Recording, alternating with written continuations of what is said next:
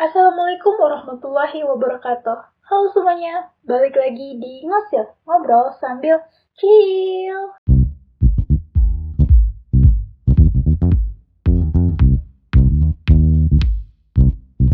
Akhirnya Ngosil balik lagi nih, dan sesuai di judul, di channel Olimpiade Tokyo 2020.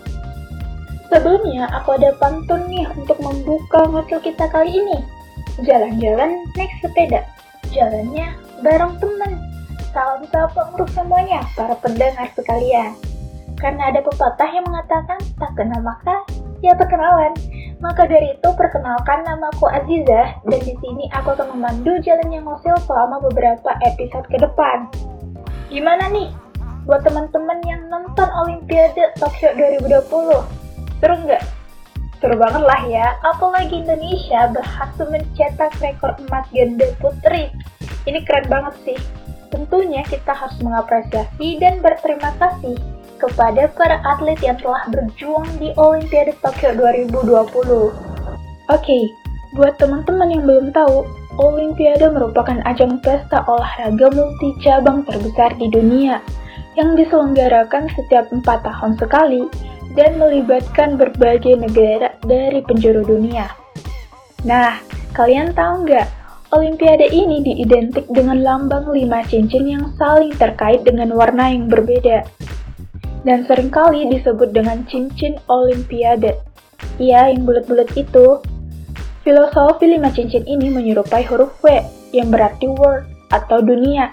Dan untuk warnanya, warna biru mewakili benua Eropa, warna kuning untuk benua Asia, warna hitam untuk benua Afrika, warna hijau untuk benua Australia, dan warna merah untuk benua Amerika. Lalu pernah nggak nih teman-teman bertanya-tanya siapa yang membuat logo ini? Yang membuat logo tersebut ialah Baron de Coubertin pada tahun 1913 setelah Perang Dunia Pertama untuk memulai debut pertamanya di Olimpiade.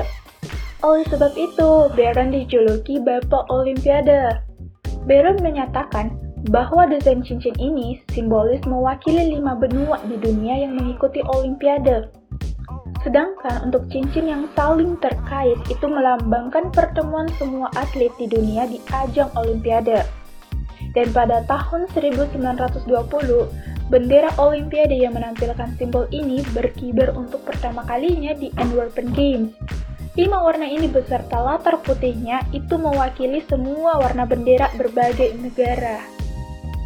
Tidak hanya itu, Olimpiade Tokyo 2020 juga memiliki logo tersendiri yang disebut Hermona Checkered Emblem yang didesain oleh Asao Takolo yang merupakan pemenang di atas tiga finalis dari 14.599 desain yang telah diterima penyelenggara. Ini baru yang diterima, gimana yang daftar tuh banyaknya? Wah hebat sih. Nah logo ini menyampaikan pesan persatuan dalam perbedaan. Melalui desainnya, Asao Takolo berkata, bila desain miliknya ini telah ia anggap sebagai anaknya sendiri, karena pembuatannya telah mencurahkan banyak waktu dan tenaga. Dan referensinya ialah Ichi Matsumoyo, pola kotak-kotak yang menjadi populer pada era Edo karena digunakan oleh pemain kesenian kabuki pada kala itu. Selain itu, pola kotak-kotak ini sebenarnya telah populer di banyak negara di seluruh dunia. Dan pola kotak-kotak dengan warna biru nila tradisional Jepang ini mengungkapkan keanggungan dan kecanggihan. Kalau kalian perhatiin, di logo ini tuh terdiri dari tiga jenis bentuk persegi panjang, yang desainnya itu mewakili negara, budaya, dan cara berpikir yang berbeda. Nah, ini nih yang paling banyak ditanyain. Kenapa namanya masih Olimpiade Tokyo 2020? Padahal acaranya itu dilangsungkan di tahun 2021. Gini nih teman-teman, International Olympic Committee atau biasa disingkat IOC telah memutuskan pemberian nama tetap memakai tahun 2020 sejak awal merebaknya pandemi COVID-19. Hal ini dikarenakan persiapan Olimpiade Tokyo itu telah dilakukan jauh sebelum pandemi COVID-19. Panitia penyelenggara pun telah memulai produksi banyak merchandise dengan menggunakan nama Tokyo 2020. Tidak hanya merchandise nih, tiket yang telah dicetak, papan nama, jersey, iklan, bendera, iklan yang telah dibuat, dan masih banyak lagi itu menggunakan nama Tokyo 2020. Jadi sudah sangat jelas jika nama Tokyo 2020 diubah menjadi Tokyo 2021, maka semua produk-produk yang telah diproduksi itu tidak bisa digunakan dan hanya akan terbuang. Tentu saja, hal ini akan merugikan, apalagi nih, dana yang digunakan untuk alokasi merchandise dan produk-produk lainnya bukanlah dana dalam jumlah yang kecil, sehingga IOC mengambil langkah terbaik untuk tetap memakai nama Tokyo 2020 secara resmi pada 24 Maret 2020 setelah komite memutuskan untuk menundanya di tahun 2021. Setidaknya nih, dengan tetap menggunakan nama Tokyo Olimpiade 2020 bisa mengurangi kerugian akibat pandemi. Selain itu, penggunaan nama Olimpiade Tokyo 2020 itu sebagai penegas nih bahwa Olimpiade ini dilakukan tiap empat tahun sekali. Seperti yang di awal aku jelasin, bahwa Olimpiade ini diselenggarakan setiap empat tahun sekali. Nama dan waktu penyelenggaraannya aja itu udah menarik nih. Tapi masih banyak hal menarik di balik Olimpiade Tokyo 2020. Kita bahas dari maskot nih. Tentunya di Olimpiade ini tuh ada maskot resmi, Maskot ini diberi nama Mirai Toa. Kata Mirai sendiri berarti masa depan, dan Toa berarti keabadian. Nama maskot ini mewakili harapan Olimpiade kali ini, yang mempromosikan masa depan dengan harapan abadi di hati orang-orang di seluruh dunia. Wah, artinya dalam banget ya. Ryo Taniguchi yang merupakan seniman yang membuat maskot ini terinspirasi dari logo resmi Olimpiade Tokyo 2020. Maka dari itu, kenapa di badan Miretoa tuh ada corak kotak-kotak? Hal itu dimaksudkan untuk menggabungkan tradisi lama dan inovasi baru. Kalian tahu nggak, karakter ini dilambangkan memiliki rasa keadilan yang kuat dan sosok yang sangat atletis. Menarik banget kan? Di Olimpiade Tokyo 2020 ini menghadirkan 33 cabang olahraga, 339 pertandingan, dan 5 cabang olahraga baru. Antara lain ada baseball atau softball, karate, panjat tebing, selancar, dan skateboard.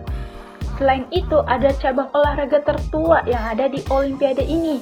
Pertama, ada gulat, yang diperkirakan sudah ada sejak 15.000 tahun yang lalu ada panahan yang diperkirakan sudah ada 20.000 tahun yang lalu. Olahraga lari yang diperkirakan juga udah ada 15.000 tahun yang lalu.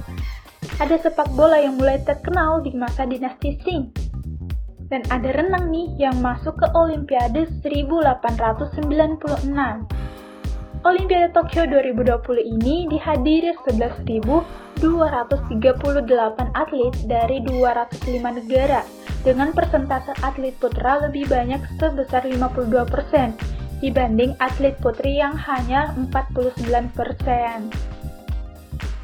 Tahu nggak nih, dalam pembuatan medali Olimpiade melibatkan warga dalam proses pembuatannya dan disebut Tokyo 2020 Medal Project.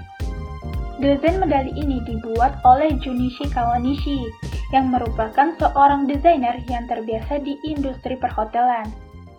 Panitia mendapatkan lebih dari 400 entry desain saat itu dan akhirnya memilih Junichi sebagai pembuat desainnya. Ada sebuah laporan menunjukkan bahwa sejak tahun 2017, masyarakat Jepang sudah diminta untuk mengumpulkan ponsel bekas mereka kepada pemerintah. Bahkan, mereka juga menerima barang elektronik yang tidak terpakai lagi. Direktur Olahraga Tokyo 2020, Koji Murokoshi, mengatakan daur ulang bisa menjadikan orang-orang semakin sadar dengan lingkungan mereka saat ini. Tidak hanya mengumpulkan barang bekas elektronik lalu diserahkan kepada pemerintah, namun warga Jepang turut andil dalam memikirkan ide pada cerita yang membuat medali ini semakin mempesona. Mereka ikut andil dalam sejarah perjalanan Olimpiade Tokyo 2020. Dan setiap warga memiliki kesempatan untuk berkontribusi yang bertujuan meningkatkan kesadaran tentang masa depan berkelanjutan. Panitia penyelenggara Olimpiade Tokyo 2020 membuat desain medali tersebut mencerminkan konsep bahwa untuk mencapai kejayaan, para atlet harus berjuang keras meraih kemenangan setiap hari. Medali yang menyerupai batu kasar yang telah dipoles dan bersinar itu memiliki tema keseluruhan ringan serta cemerlang. Medali mencerminkan berbagai pola cahaya, melambangkan energi para atlet dan mereka yang mendukungnya. Hal ini itu dimaksudkan untuk melambangkan keragaman dan mewakili dunia, di mana orang-orang bersaing dalam olahraga. Kecemerlangan medali menandakan cahaya hangat persahabatan yang melambangkan orang-orang di seluruh dunia sedang berpegangan tangan. Bahan baku dalam pembuatan medali emas Olimpiade ini adalah perak mencapai 92,5% dan kadar emasnya 6 gram yang melapisi medali emas. Sedangkan untuk medali perak itu terbuat dari perak murni dan untuk medali perunggu itu dibuat dari red brass. Junichi Kawanishi menggunakan motif desain tradisional dalam pita medali tersebut.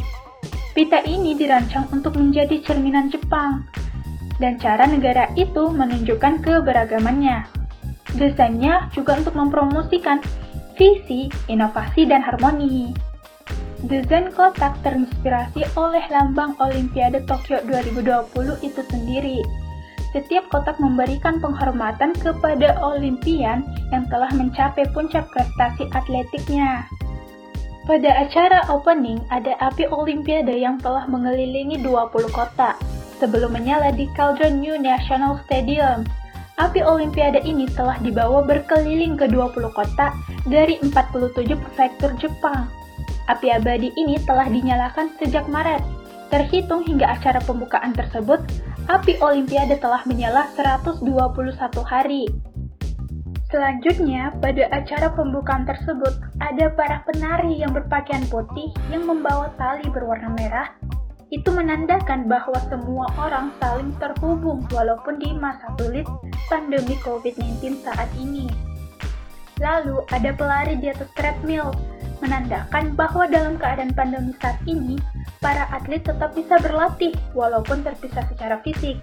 Tapi, mereka juga tetap terhubung oleh harapan dan semangat yang sama. Lalu yang paling menarik nih, lagu-lagu yang mengiringi para atlet itu berasal dari video game seperti Kingdom Hearts, Monster Hunter, Dragon Cat, Final Fantasy, Chrono Trigger, Ace Combat, Tales of Series, Winning Eleven, dan lain sebagainya.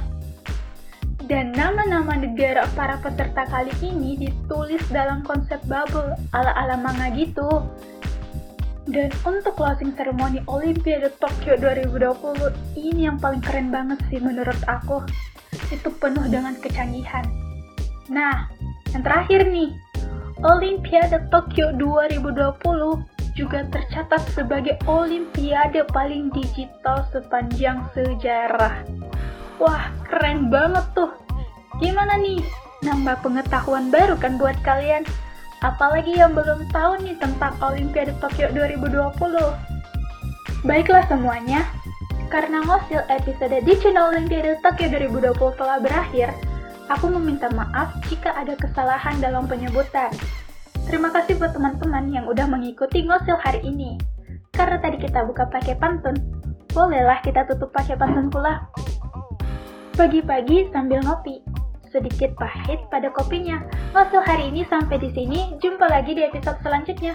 Wassalamualaikum warahmatullahi wabarakatuh. Terima kasih.